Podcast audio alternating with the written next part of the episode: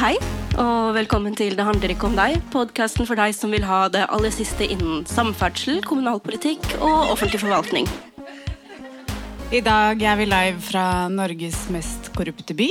Um, og um, vi har Bergen, for ordens skyld, bare Ja. I tilfelle det var noen tvil. Uh, vi har Bibliotekfest på Bergen offentlige bibliotek. Ja. Og vi eh, har ikke tenkt til å snakke så veldig mye om Bergen. Selv om det på en måte er mye, mye å ta for seg, så er det utrolig kjedelig å snakke om Bybanen og byrådet og skillingsboller. bygreier. Har dere vurdert å bare liksom gi fra dere bystatusen? Og bare legge det sånn kjedelige administrative et annet sted, f.eks. Oslo? Bare et tips. Eh, men selv om eh, Maren skulle jo ønske at Roger Valhammer var her, da. Men eh, det får bli Det får bli en annen gang. Eh, men eh, før vi på en måte begynner ordentlig, så er det på en måte en person fra Bergen som vi må snakke om. Men den ble rørt en gang. Men eh, eh, en gammel venn som døde nå, som er Våga Runstad. Eh, som eh, var utrolig glad i å røre i gryta. Og rørte mye i gryta. Og var ganske god til å røre i gryta. Eh, Du kjente ham jo mye bedre enn meg, men eh, jeg hadde et slags vennskapsforhold til Vågar, og vi, uh, vi beefa mye, altså. Om, eh, altså. Han rørte i gryta, og jeg rørte motsatt vei, og så eksploderte den noen ganger. Og det var egentlig bare fint. jeg var liksom i min peak sånn cool girl-fase. Ja, det skal vi snakke litt mer om. Det skal vi snakke litt mer om, fordi at eh, i dag så skal vi snakke om eh, hva som på en måte er god mobbing. Vi anerkjenner at vi er mobbere, alle sammen. Eh, kanskje, Jeg vet ikke om dere har kommet så langt i deres prosess ennå. Men, eh, men og eh, i hele dag så har jeg bare tenkt på at det, det er en eh, samtale jeg gjerne skulle hatt med Vågar. Og det er veldig trist at eh, vi ikke kommer til å ha den samtalen. Eh, Men det er kanskje litt i hans ånd at vi skal snakke om eh, det gode hatet. Ja. Hva, hva legger du i det begrepet? Eh, nei, det, altså, jeg har på en måte akkurat lært da, at det er det høyresiden sier om oss når vi ikke De, tro- de, liksom, de mener at de ikke får lov til å være morsomme, og at eh, venstresiden er så opptatt av å være så gode, og vi, skal, vi er så skinnhellige og Hvis de ikke får lov til å være slemme mot minoriteter, så er moro forbudt. Ja. Så hvis venstresiden da er slem, og det kanskje ikke går utover minoriteter, så er dette det gode hatet. Ja. Og vi er, vi er jo da eksperter i det gode hatet. Ja, vi er haters. Vi eh, har på en måte kommet til den, eh, den erkjennelsen, og dette var vi innom i vår forrige episode, som eh, dere gjerne må gå inn i arkivet og høre hvis dere, blir, hvis dere ikke er fans fra før og blir rekruttert som fans i dag. Eh, men eh, ja, den anerkjennelsen av at vi også er mobbere, eh, men vi, vi prøver da å sparke oppover, eller i hvert fall sidelengs, og ikke nedover. Men man ser jo også, jeg så på Twitter for, eller for et par dager siden en Nå husker jeg ikke hva han heter i farten, men en eh, idiot av rang. Eh, som eh, på en måte lollet av det da, at venstresiden liksom De eh, sparker oppover, så de tror på en måte at de er de, Vi tror på en måte at det er innafor. Eh, Var det Morten Myksvold?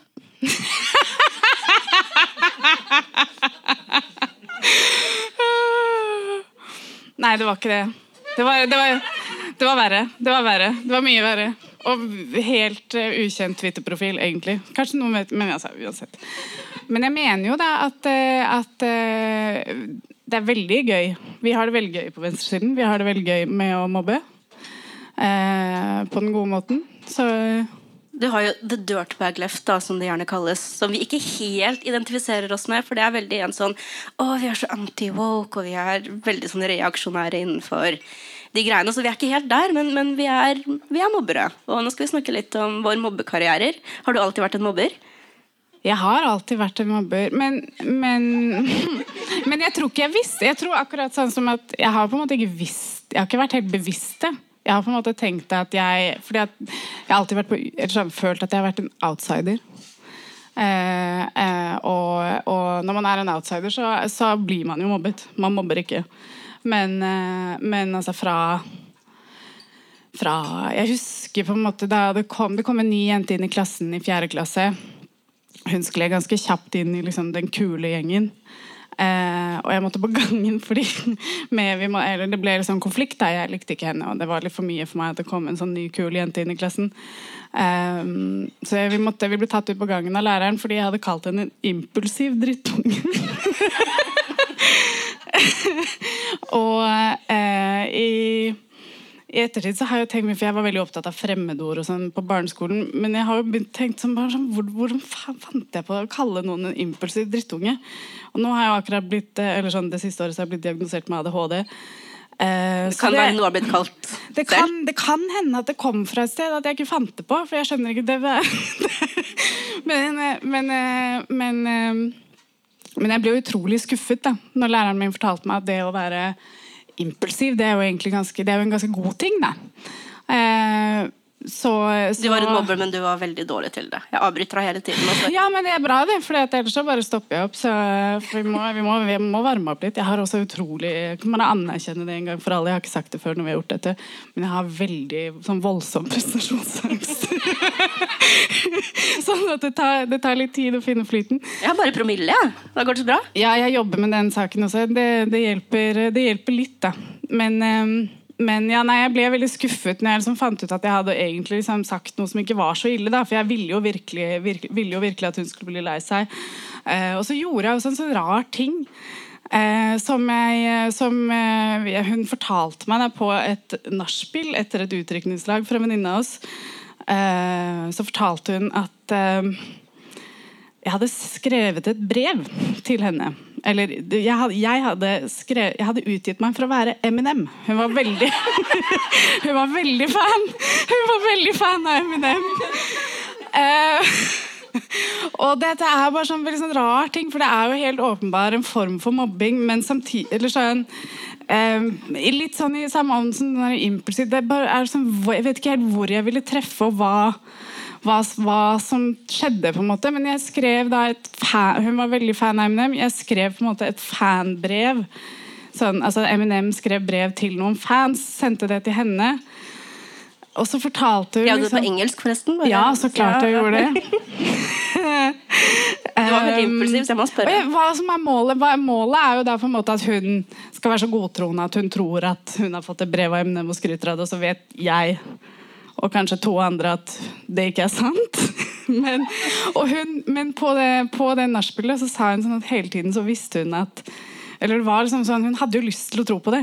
Så hun hadde den der ideen om at enten så kunne det være sant at hun faktisk hadde fått et brev fra Eminem, eller så var det Malin som skrev det. Jeg heter Malin, forresten. Dette er Maren. Hei. um, og eh, Det er bare en sånn absurd form for mobbing. Jeg tror ikke jeg tenkte på det som mobbing, men det er jo en form for mobbing. liksom. Litt slemt, litt snilt. Jeg vet liksom ikke helt hva jeg skal gjøre med denne informasjonen. Jeg ble utrolig flau. For jeg husket ikke selv, men jeg skjønte altså, når hun sa det, jeg, bare, jeg visste 100% at jeg hadde gjort det. Jeg har alltid vært den uh, ufyselige typen skinnhellig mobber, sånn som jeg er nå. Uh, så jeg, jeg mobber aldri uprovosert.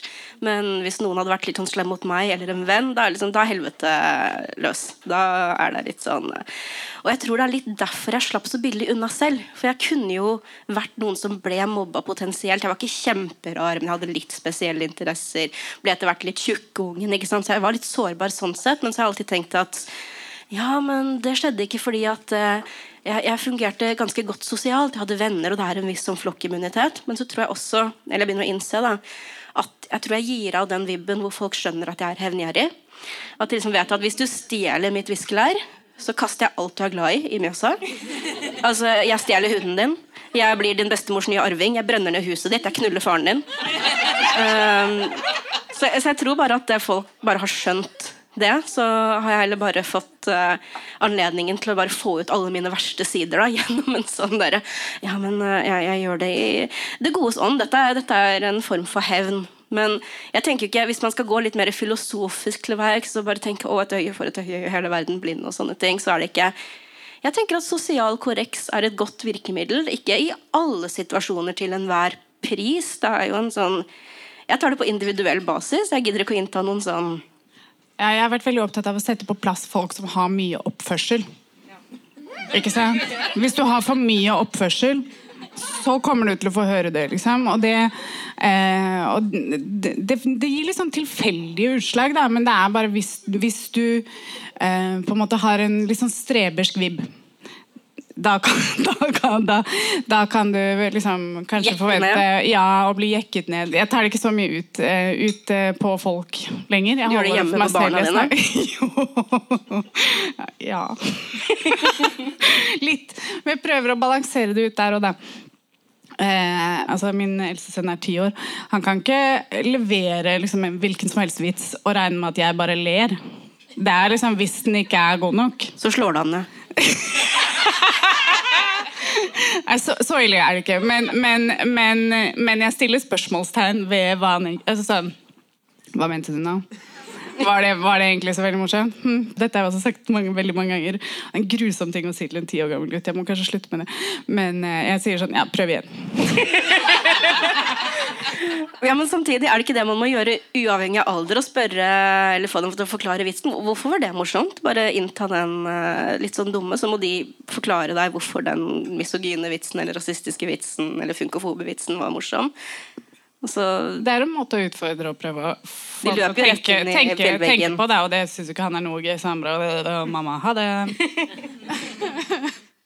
Men hva, hva med selv? Har du, altså, vi har snakka litt om å være mobbere. Har du blitt kansellert? Forsøkt kansellert noen gang? Nei, eh, jeg har litt selektiv eh, hukommelse, da. Eh, sånn at det kan jo hende at det er noen ting jeg på en måte har valgt å legge bak meg. Jeg hadde jo en karriere hvor jeg styrte Twitter eh, på en måte før du tok over, da, og jeg meldte overgang til Instagram. Jeg kom tidlig inn i musikkbransjen som, som pressesjef i Bylarm. Eh, og hadde veldig, jeg hadde ganske mye følgere på Twitter sånn tidlig. Rantet mye. Men eh, i 2010-2012 da var vi kanskje på høyden av vår liksom, mest sånn numne passive senkapitalistiske tilstand. Eh, hvor vi, var, vi var liksom ikke så woke, da. Selv om eh, måte, det begynte å skje ting omtrent på den tiden. Men, eh, men jeg ble aldri sånn ordentlig kansellert. Så jeg har en hendelse hvor jeg liksom Jeg slo en fyr med knyttneve. Eh, og det er jo ikke så kult, men, men jeg var veldig stolt. Eh, For han er en sånn irriterende sånn, eh, musikkprodusent. Eh, og han eh, var veldig irriterende, men altså, jeg også var i en sånn var, Jeg jobbet i Natt og Dag som nettredaktør før. Eh, og vi hadde en fest, og så hadde jeg Jeg var egentlig veldig forkjølet, og så hadde jeg fått en sånn forkjølelsesmedisin med efedrin i. Eh, og efedrin er da liksom sånn legespeed. Eh, så at jeg var i farta, kan du si. Og så var han veldig irriterende og drev og, og, og snakket til kjæresten min og skulle liksom sende han beats. Um, og det, det var ikke jeg i humør til. Altså, jeg, vant, jeg var liksom vant til at det var en irriterende ting. Eh, og var ikke tunet inn på den situasjonen i det hele tatt. Fulgte ikke med, Skjønte ikke at de faktisk hadde en samtale hvor han var interessert i de beatsene. Um, så jeg sa Ingen vil ha de jævla beatsene dine! um, og så eh, fortsatte han da å liksom mase. Og, var liksom, og dette var første gangen vi hadde barnevakt etter at vi fikk barn for ti år siden. Eh, så vi skulle jo sove ut, og så var han, han insisterte på at han skulle ringe i morgen tidlig. Eh, og det var veldig provoserende for meg. Eh, for, for ingen, for ingen, vi skulle jo sove, det var ingen som skulle ringe oss i morgen tidlig. Så eh, da måtte jeg bare slå han, da. og det er første gang og siste gang det har skjedd, liksom. Eh, ga han en utrolig svak knyttneve som han sikkert ikke kjente. Altså, jeg, jeg er ikke sterk. Jeg har aldri slått noe med knyttneve. Verken før eller siden. Det, altså, det var et veldig svakt slag. Eh, og kjæresten min ble kjempeflau. Eh, og alle rundt det bordet ble ganske flaue, liksom. Eh, men så sa han Du må kontrollere dama di. og da Og da var heldigvis kjæresten min på mitt lag, da. Eh, så det var jo fint for meg at han, at han var så dum at han sa det. Eh, men da, dagen etter så var jeg jo litt stolt. Da. Så jeg var sånn, jeg slo han der. Og, mm. og veldig mange som sa sånn Ja, faen, det var på tide, ass. Ti år Men- senere så er jeg fortsatt på team Det var på tide. Så jeg vet ikke hvem det er engang. Nei, sant. Og, og, og jeg var også liksom sånn Ja, ja, jævlig irriterende fyr.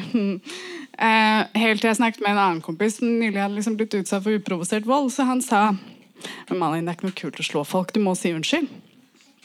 Um, og jeg har en ganske sterk samvittighet, så jeg var bare sånn, med en gang jeg fikk den beskjeden, så, så kviknet jeg litt til. Da, for det er jo ikke kult å slå folk.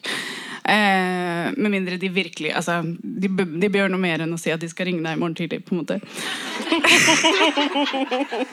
um, så em, Så jeg skrev en eh, melding da, hvor jeg sa bare sånn Du, em, hei. eh, sorry. eh, det er ikke noe kult å slå folk. Jeg er lei for det. Eh, jeg husker ikke hva mer jeg sa. Ikke send beats likevel. Men ingen vil ha de jævla beatsene dine. Eh, men, og så eh, svarte han ganske kjapt, men han skrev Hvem er du? Ah, word! Du er dama til Lars! Og jeg bare, oh fuck Jeg ble så jævlig sur. Så jeg, bare, jeg angrer på at jeg sa unnskyld. Jeg skulle ønske jeg slo han. Skal vi finne ut hvor han bor og slå han igjen? Skal vi gjøre det? Nei, jeg har møtt han siden Jeg møtte han for noen år siden, og det var liksom første gangen siden. Og det var jo en, det var en sånn anstrengt øvelse, men, men jeg føler på en måte at vi har, liksom, vi har, lagt, vi har lagt hendelsen bak oss. Men eh, der og da så fikk jeg liksom Jeg hadde lyst til å slå han en gang til. Har det ikke også blitt forsøkt kansellert av Britney Army en gang? Oh, wow, ja, det har jeg! Å, shit, ja, jeg fikk sånn norske Britney Britney, Britney Army på meg, fordi eh, jeg var musikkanmelder i Aftenposten, og så skrev jeg Og jeg mener jo, det, det, dette mener jeg fortsatt, at eh, hvilket eh, Det var Circus-albumet som kom, tror jeg. Um, og så skrev jeg at eh, på den tiden så syntes jeg at Instagram-kontoen hennes var mer interessant enn albumet. uh, og det, det falt ikke i god jord. Og da var det liksom sånn, men det var bare én fyr, da, men han var til gjengjeld veldig persistent og tok meg på alle plattformer. Uh, han var sånn OK, Britney Army, let's drag this bitch!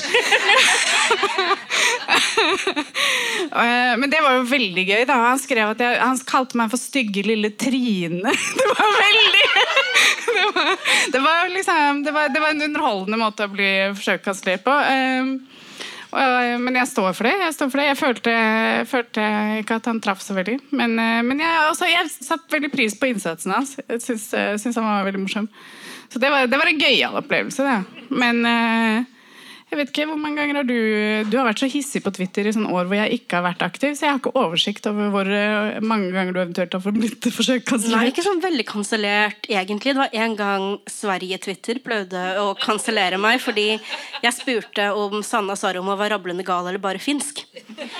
Og Sverige og Finland de har jo en ikke sånn kjempespesielt grei historie, så det, de slår jo veldig hardt ned på eh, xenofobi mot finner i Sverige generelt. Men det er kanskje ikke på samme måte like overførbart til nordmenn, og de ante jo ikke hvem Sanna Saroma var, eller hvorfor jeg spurte, så det var et litt sånn halvhjerta forsøk der. Ellers er jeg jo veldig glad for at vi ikke Altså, vi vokste opp med internett, men ikke sosiale medier på samme måte. For i tenårene så var jeg jo veldig edgelord, og jeg har en uh, ungdomsvenninne i lokalet som liksom kan bekrefte Ser du hun sniker seg ut nå? Eh, så jeg ville blitt superkansellert for de dumme meningene mine. For jeg var veldig sånn at uh, sannheten er et sted på midten. Veldig sånn Feminisme er dumt, for hvis damer ikke vil ha særbehandling, så Ikke sant. Jeg, jeg, jeg, stemte, jeg stemte Venstre en gang, for å si det på den måten. da Nei, man!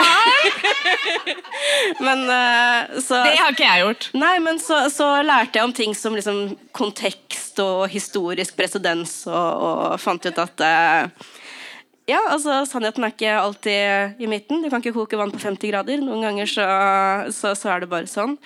Eh, men en annen gang jeg ble, jeg ble kansellert for noe jeg ikke hadde gjort. Altså sånn på ordentlig ikke hadde gjort Jeg har ikke bare sånn stjålet notatene til Thomas Espedal sin forfattersamtale etterpå. Eh, den som vet, vet. Den som ikke vet, kan google. Eh, men ja, jeg må jo være litt sånn vag, og det er litt, for da gjør det kanskje Det utgjør kanskje ikke en veldig interessant historie da. For jeg har litt sånn fint følelse og samvittighet. Det er ikke Tusvik og Tønne dere er på. Um, men det er jo en historie om hvordan man kanskje ikke skal håndtere ting. Fordi jeg ble oppfattet som å ha gjort noe jeg ikke faktisk hadde gjort. Det er ikke noe seksuelt, forresten. Jeg seksuelt trakasserer bare på internett igjen. Sorry, Roger Valhammer. Uh, og Sveinung Rotevatn. Ja, og ja, resten av dem. Uh, men uh, Uh, hvis jeg hadde gjort det, så ville det vært uh, problematisk generelt, men også veldig dårlig gjort da, mot et par ganske gode venner. Men i stedet for å konfrontere meg med det, sånn at jeg fikk oppklart situasjonen, så, så, så, gjorde de det ikke, og snakket heller med andre folk. Og da burde jeg vært voksen, og så burde jeg gått til dem og så burde jeg sagt her har det skjedd en misforståelse. La oss ordne opp i det som voksne. Men i stedet så ble jeg bare tverr og sur. Og seks år senere har jeg ikke snakket med mine gode venner. så det er jo Det er jo, det er jo hvordan, en ganske vanlig reaksjon. En veldig ja. menneskelig reaksjon. Men hvordan, men hvordan håndterer man sånn i mellommenneskelige relasjoner? da? Det å liksom kansellere venner. Har du, har du kansellert venner? Mm. Eller bare hvordan takler du det hvis en venn har gjort noe problematisk? For det vet jeg jo at vi begge har uh, opplevd. Det er veldig vanskelig, det. Um, uh, jeg er eh, konfliktsky med venner. Ganske konfronterende ellers i livet. um, så de situasjonene som jeg har vært i hvor det er noen som virkelig har gjort noe problematisk, så er det jo Det har sjelden vært så nære venner at jeg har gjort noe annet enn å bare ghoste. Og det er ganske feigt. Det er ganske feigt. Men samtidig så er det sånn hvis det ikke er noen som er nær nok til at det er naturlig at dere tar opp og har en ordentlig samtale, så er det på en måte sånn litt vanskelig å gjøre noe annet, syns jeg, da. Men, men, men, eh, men, jeg mener ikke at det er på den gode måten å håndtere det. Jeg opererer med tre hovedkategorier, og så er det noen sånne forgreninger under det. Og det første er jo det du sier, som er å avslutte vennskapet på den ene eller den andre måten. Eh, det kan være enten gjennom en konfrontasjon, men det avhenger kanskje av hvorvidt du har en nær relasjon til vedkommende. Og som du sier, er det naturlig å ta den samtalen direkte. Eller hvis det er en mer perifer bekjent å bare ghoste litt. Og så har du det å forbli venn med personen, men kanskje mest fordi det er behagelig for deg. Og jeg tror ikke de fleste erkjenner det for seg selv. At eh, nei, her er det faktisk bare litt enklere å og, bare ikke foreta seg noe. Du forteller deg selv kanskje at ja, men alle, alle tråkker på denne personen nå, og denne personen ligger nede, så jeg vil være en venn der. Og så gjør de det ikke nødvendigvis i praksis. Men da er man igjen på tredje kategori, som er å forbli venn med personen med en tanke om at du skal både eh, anerkjenne og ansvarliggjøre du skal stille opp for vedkommende både som noen som stiller krav og forebygger at noe sånt skal skje igjen, men også gir dem en slags skulder å gråte på. Og så er det det at da må du i tillegg godta at det kanskje kan være andre igjen som tenker at du har blitt en mindre trygg person som har tatt side med en person som kanskje har begått et overgrep, sagt eller gjort noe fryktelig rasistisk, eh, slått ned eller slått til en Beats-produsent. Eh, og sånn, og da kan du, jeg, jeg, føler, jeg, Min personlige mening er at da kan du ikke sette deg ned og sutre over at å, det er ingen som uh, godtar tilgivelse lenger, og stakkars meg som uh, prøver å gjøre det rette og bli fordømt for det. Jeg føler at det bør være et vanskelig valg å, å stå ved noens side som har gjort Og nå snakker vi om litt alvorlige hendelser der uh, Ja, for det er også en ting da, at det er jo veldig uh, En ting som, uh, som liksom jeg synes Det blir feil å si høyresiden, men sånn, jeg pleier å pakke det inn som å si at jeg er ytringsfrihetsfundamentalister. Da, som, snakker, som bare for å gjøre det så vidt som mulig. og ikke båsette noe mer enn det.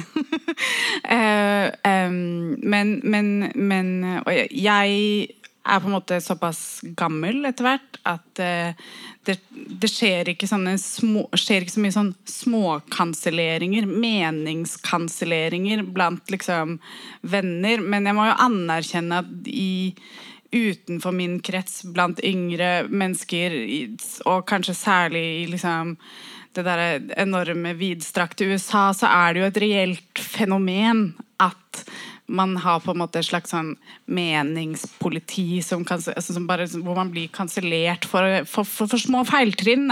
Ja, eller kansellert. Du får kritikk av en 17-åring på Twitter. Ja, eh, og, det, og, det, og i varierende grad eh, så, så ja, det, det varierer jo hva, hva den kanselleringen består i, og hvor reelt det faktisk er. Men, men, eh, men at det finnes på en måte mekanismer som gjør at eh, kids er redd for å mene noe. Men, men så må man også anerkjenne at fuckings kids de er jo redd for å ha på seg feil jakke. liksom.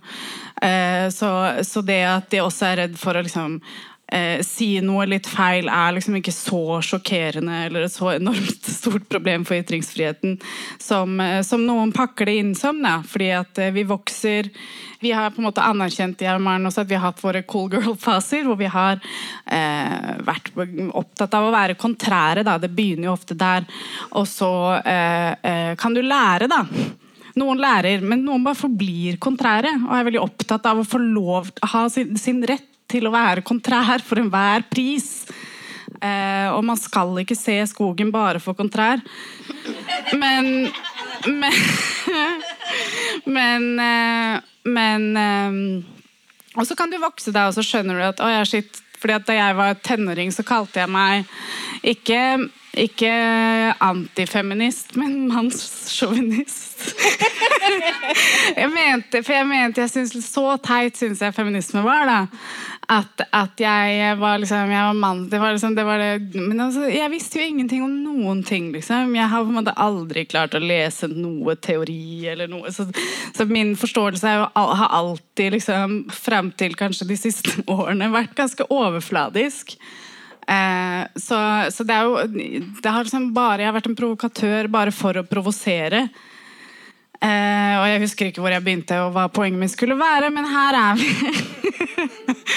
men det er viktig å liksom anerkjenne at vi alle lærer, da. At det går an å si noe feil. Eh, eh, men så an, kommer det jo litt an på hvordan du tar den korreksen du eventuelt får. da. Tar du den korreksen og lærer av det, eller tar du den korreksen og bare blir enda verre? og, det, og det er jo på en måte det jeg føler skjer veldig mye rundt oss. Det er at det er bare at, at det at man blir satt på plass, det, det gjør også at du bare blir sånn Å nei, da blir du bare bekreftet. Du blir bare sik mer sikker i din sak. Og da skal du være mer jævlig, og så plutselig så sitter du på Alex Jones og sier at du elsker Hitler. um, og sånn kan det gå, da, men det går også an å finne en liksom annen sti. Hvor du på en måte lærer. Eh, og på en måte setter streken litt før du kommer til antisemittisme. Ja, altså, jeg, jeg, jeg kan ikke klage på det. Det eneste jeg kan klage på, er at jeg, jeg i større grad vil bruke det her som eh, min egen terapitime. Eh, som i stedet for å, å betale for, så, så får jeg betalt for det. Bare snakke litt om for, for jeg vet jo at du ja, Jeg tror ikke det var med, vilje at du unngikk spørsmålet mitt om hva du selv har uh, gjort når uh, noen du kjenner har uh, gjort ting. Men vi har jo Jeg skal gå tilbake noen år, være litt sånn personlig, men jeg må være vag igjen, for igjen, ikke Tusvik og Tønne. Eh, men noen som eh, gjorde noe som var ganske ille, ganske skrekkelig. Og teknisk sett gjorde alt rett da, som følge av det her. La seg fullstendig flat. Uh, Huska ikke så mye av situasjonen pga. rus, men prøvde ikke på noe tidspunkt å bestride hendelsesforløpet. Og jeg skulle til å si hen, men selvfølgelig er det en han, ærlig talt. Jesus Kristus, selvfølgelig er det en han. Eh, liksom Tilbød en unnskyldning. Hvis det var ønska fra motpart, altså, så gjorde alle de tingene da.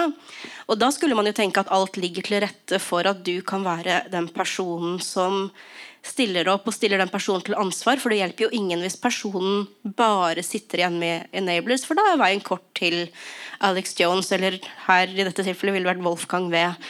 Uh, og liksom sitte der, da. Men da bare kjente jeg at jeg, jeg, jeg bare var i det derre Tenk om han hadde Tenk om han hadde. Eh, men, men da bare kjente jeg at tilliten min var helt knust, hvor jeg ikke stolte på at det her ikke kunne skje igjen, men i liksom enda mer hemmelighold. Og så har jeg en sånn eh, ansvarsfølelse, for jeg har to eller tre unge jenter som ser opp til meg.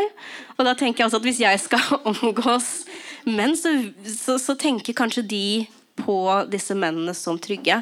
Og Jeg vil bare si den at jeg gir ingen garantier for noen mann. Jeg bryr meg ikke om hvem det er. Jeg gir ingen garantier, men jeg vil jo så vidt jeg kan prøve å leve litt opp til, til det. da, Og ha noen veldig sånn tydelige grenser og, og, hvor jeg setter dem. Og da bare tenkte jeg at eh, jeg har, en sånn i bunnen et sånn etisk ønske om å være en person som kanskje kan gå inn og sørge for at eh, det her får konsekvenser. Det her skal ansvarliggjøres og alt mulig sånn. Jeg, jeg, jeg, har ikke den tilliten. Da. og jeg har ikke engang ja, altså Den uka her har vært ganske mye. Um, men jeg har jo faktisk havnet i min personlig vanskeligste den type situasjon denne uka. Jeg har ikke fortalt deg det engang.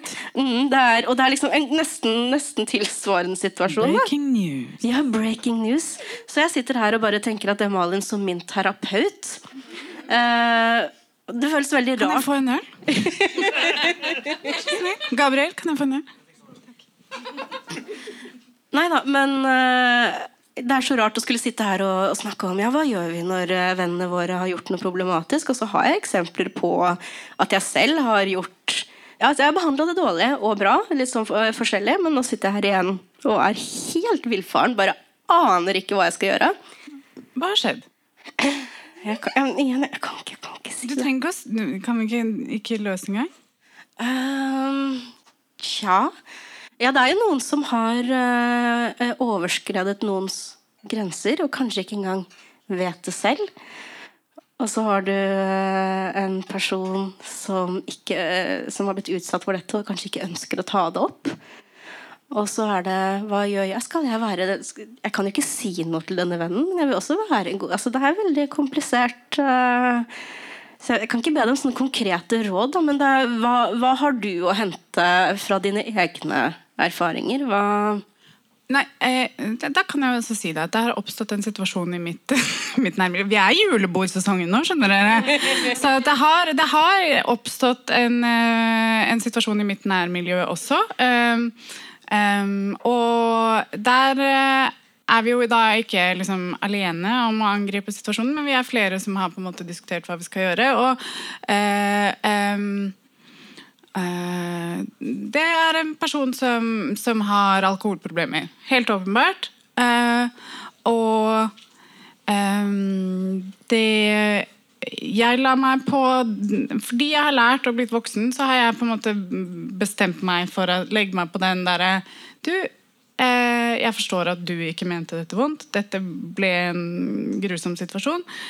Men jeg er også bekymret for deg. Fordi at dette er liksom tredje gangen vi hører om eh, noe i denne stilen. Eh, og eh, her har det ikke liksom, skjedd noe veldig alvorlig, men, men, men, men det handler om grensesetting. Eh, og, og eh, jeg har også tenkt på det mye fordi vi har snakket om det siste. Eh, der jeg er i livet, så og hvis jeg ser at det er en person som har sine problemer, og hvor jeg på en måte er sånn Ok, jeg bryr meg om deg. Eh, og, men er ikke, det er viktig at du vet at det som skjedde, ikke er greit, og du er nødt til å ta tak i det. Um, det kan jo bli tatt ganske dårlig, fordi at f.eks. alkoholproblemer er jo noe som er veldig liksom, Det er veldig lett å overse. Det er veldig lett å akseptere. Vi, har, måte, vi lever i en sånn ganske sterk alkoholkultur. Så folk med alkoholproblemer vet ikke nødvendigvis at de har alkoholproblemer selv. Så man må på en måte være forberedt på det. At man blir møtt med motstand. At man blir møtt med absolutt ikke blir anerkjent når man sier sånn 'jeg ser deg, jeg ser at du sliter'. At det kan bli tatt veldig negativt, men da har man i hvert fall prøvd. Det er på en måte mitt eh, nåværende standpunkt. Jeg legger meg på eh, strekke ut en hånd, si 'jeg ser deg', eh, 'dette var helt jævlig', men jeg skjønner at du også sliter'. Jeg må sitte her og bearbeide det litt før jeg kan eh, respondere. Nei, nei, men det er jo eh, Det er jo som regel det det er. Med mindre du bare kjenner at det her er et sånn tillitsbrudd som ikke kan bøtes på. Og så er det en annen ting som, eh, som er en liten sånn etisk twist. For jeg har opplevd i situasjoner hvor noen jeg kjenner, har gjort noe som har vært litt sånn gråsoneille, hvor jeg ikke egentlig har visst hva jeg skal gjøre. Eller hvis jeg har bestemt meg for å ta avstand, at jeg har endt opp med å gjøre situasjonen verre ved å snakke med andre om hva, hva, hva skal jeg egentlig gjøre. Og så, og så blir det her så, så plutselig spres det, og så har du gjort situasjonen kanskje verre for den personen du ikke engang ja, vet hva du skal gjøre ovenfor. Så Kansellasjon? Komplisert? Spørsmålstegn?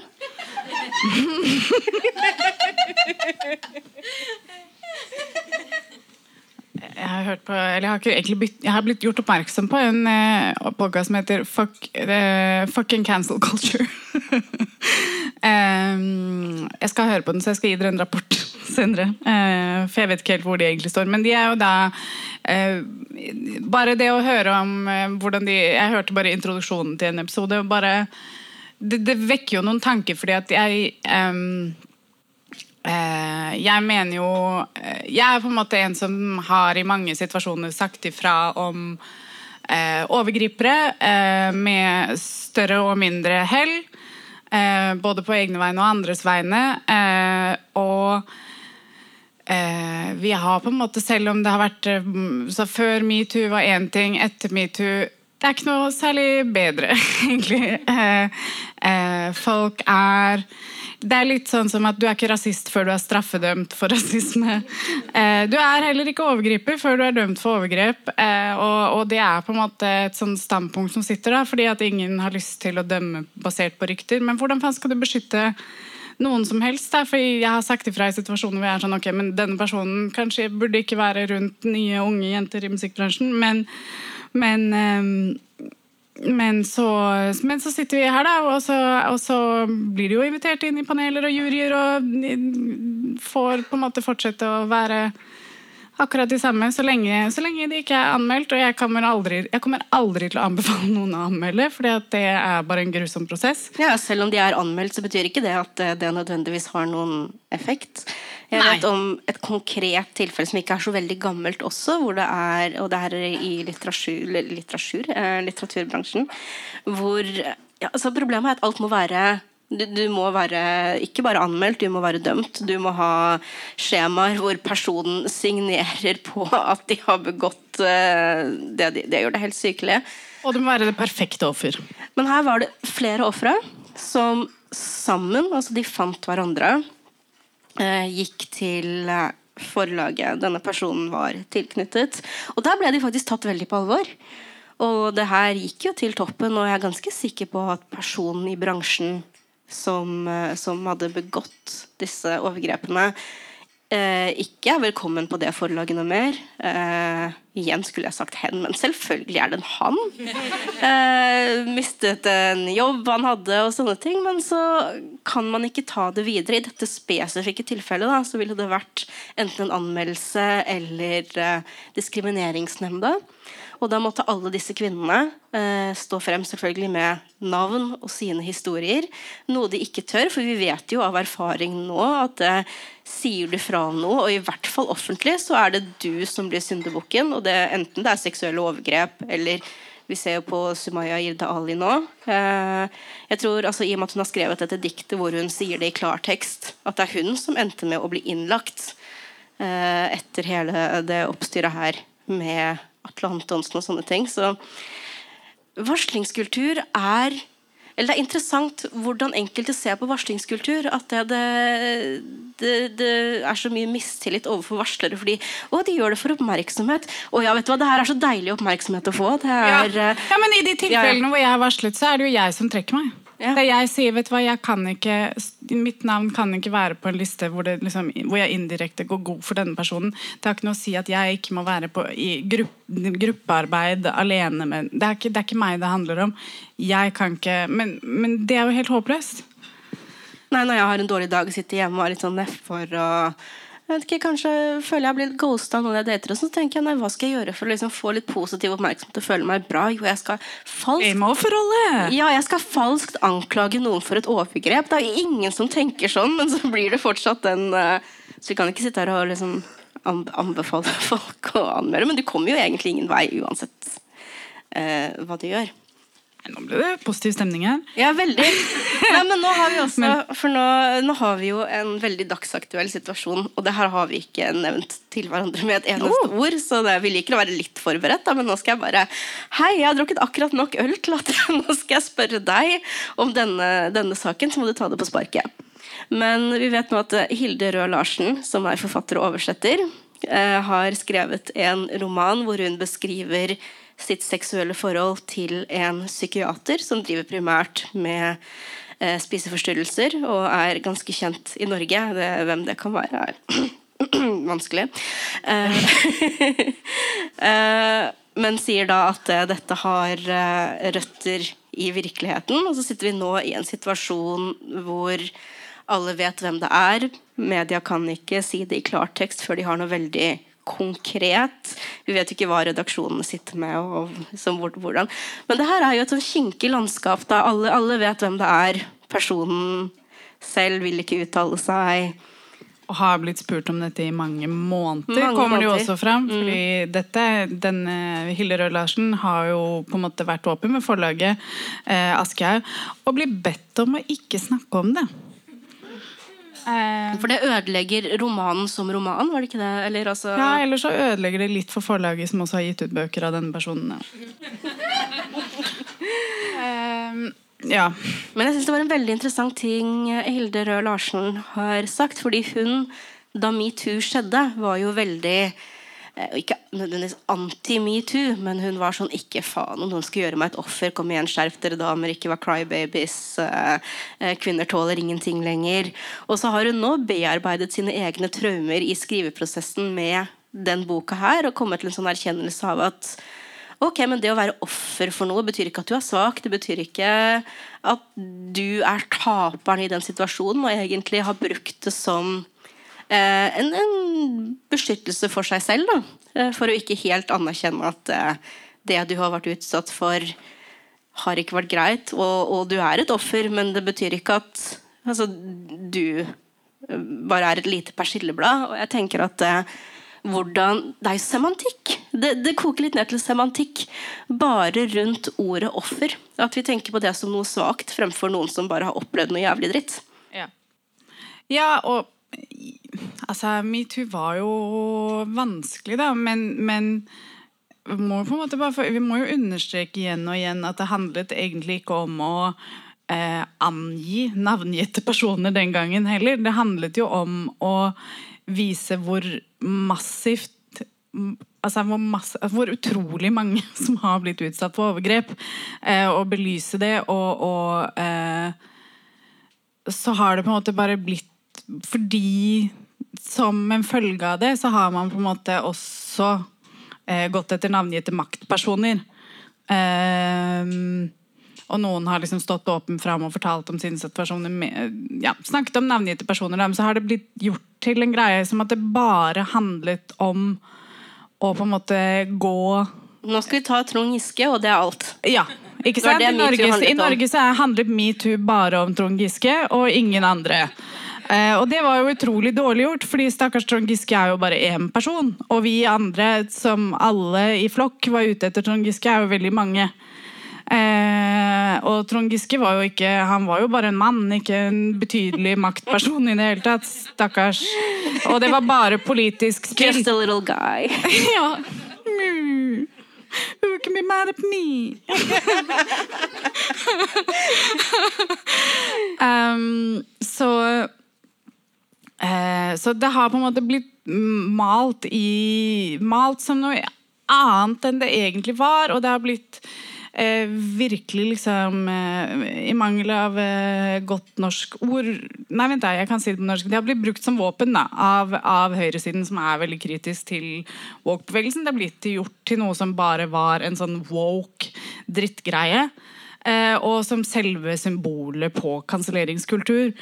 Selv om det egentlig handlet om å belyse store strukturelle problemer i samfunnet. Eh, så er vi på en måte tilbake til at vi sitter og er like hjelpeløse og rådville og ikke vil anbefale noen å snakke om opplevelsen sin eller anmelde de. Snakke om de kan vi gjøre. Det er, det er på en måte Vi har kommet dit at kulturelt så kan vi snakke med hverandre på en annen måte. og eh, det er jo vel og bra, men eh, systemisk har det ikke skjedd en drit. Men hvordan kan vi snu om narrativet om Eh, det å være et offer til å ikke handle om å være svak. For jeg har alltid vært veldig tydelig når jeg har snakket om metoo, at det, handler ikke om at det, hvis du utsettes for litt ubehagelig seksuell oppmerksomhet på julebordet, om noen sier noe til deg eller liksom tar deg på rumpa, det handler ikke om at 'Å, jeg er så skjør. Jeg klarer det ikke'. Noen pustet på meg, jeg dør. Det handler om at jeg gidder ikke. Jeg så... Vi må mute alle de kontoene som Elon Musk har liksom fått tilbake på Twitter. Det tror jeg er starten. For det var mye lettere Det er mye lettere hvis vi bare muter noen av de folkene som bare nekter å innse hva dette egentlig er. Som bare, som, det, er jo, det, er jo, noen folk som, som er å mute avisen, ja, Hvis vi muter norske medier, f.eks. Norske, mange norske samfunnsdebattanter og, og, kommentatorer, særlig de som er over 40 pluss, eh, så tror jeg vi ha, ville sittet igjen med et helt annet narrativ enn det som på en måte er rådende. da Eh, det er et eller annet Og det er veldig Det er vanskelig Vi er på en måte et sånn vi er på et punkt i liksom, verdenshistorien hvor det er veldig veldig vanskelig å overstyre det. Eh, overstyre den historien om at, om at woke, bevegelsen woke, er liksom det farlige. Altså, til liksom alle Venstresiden har også blitt lallet inn i en sånn greie om at altså, det å være woke er problemet.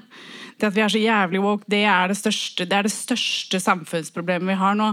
Men grunnen til at vi tror det, er at vi er bare blitt nummet til altså, av, i mange år til å bare kjøpe en del sånne ting som gjør at vi liksom, Det har bare lagt grunnlaget til at fascismen bare sniker seg inn i samfunnet. Så lenge og, den er politisk korrekt. så lenge den... Uh, og vi, vi, hadde jo den her debatten om uh, Richard Spencer, Proud Boys, det, altså disse nazistene og fascistene som bare hadde på seg fine klær og, og snakket pent til media. Jeg tror vi ser noen sånne veldig Eh, de var vestlige sjåvinister. Det er litt sånn som da jeg var tenåring og sa at jeg var mannssjåvinist. Det er på det nivået, liksom. Det er, det. det er, kult! Det er kult, det er litt sånn edgy. Men jeg ser noen sånne tendenser til og med fra sentrum. Og det er jo også klart når, når, når altså, kommer folk til å snakke om hesteskoteorien, og at venstresiden også mildt sagt har sine sånne greier. da, Men sånn, sånn snikende fascisme inn i det som Eller ut fra det som skal være en sånn fornuftig innestemme type greie, men nå kommer det ikke bare fra ytterflankene heller. Du ser det litt sånn i, i midten. Og det, Jeg har ikke noe poeng utover det. Jeg vil bare... Nei, men, nei, men det er altså, jeg, jeg, jeg, har ikke forberedt meg på å snakke om det. Helt, så nå har vi spunnet ganske langt av gårde. Men, men, men, det er et eller annet med det at, at, at, eh, vi er på en måte bevisst Vi er ganske bevisst ytterflankene, men vi er ganske bevisstløse når det gjelder det som bare sniker seg inn fra midten.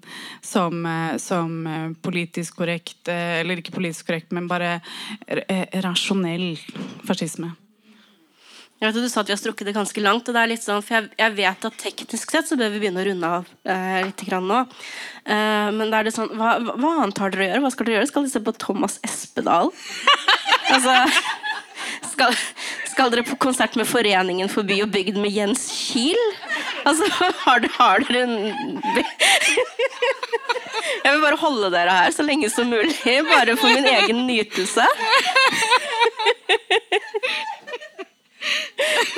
Jeg er nesten litt der hvor jeg bare sånn Er det noen spørsmål fra salen? Nei, jeg skal se på notatene mine om det er noe jeg glemmer. Nei, men seriøst, er det noen spørsmål fra salen? Nei. Det er absolutt ingen som uh...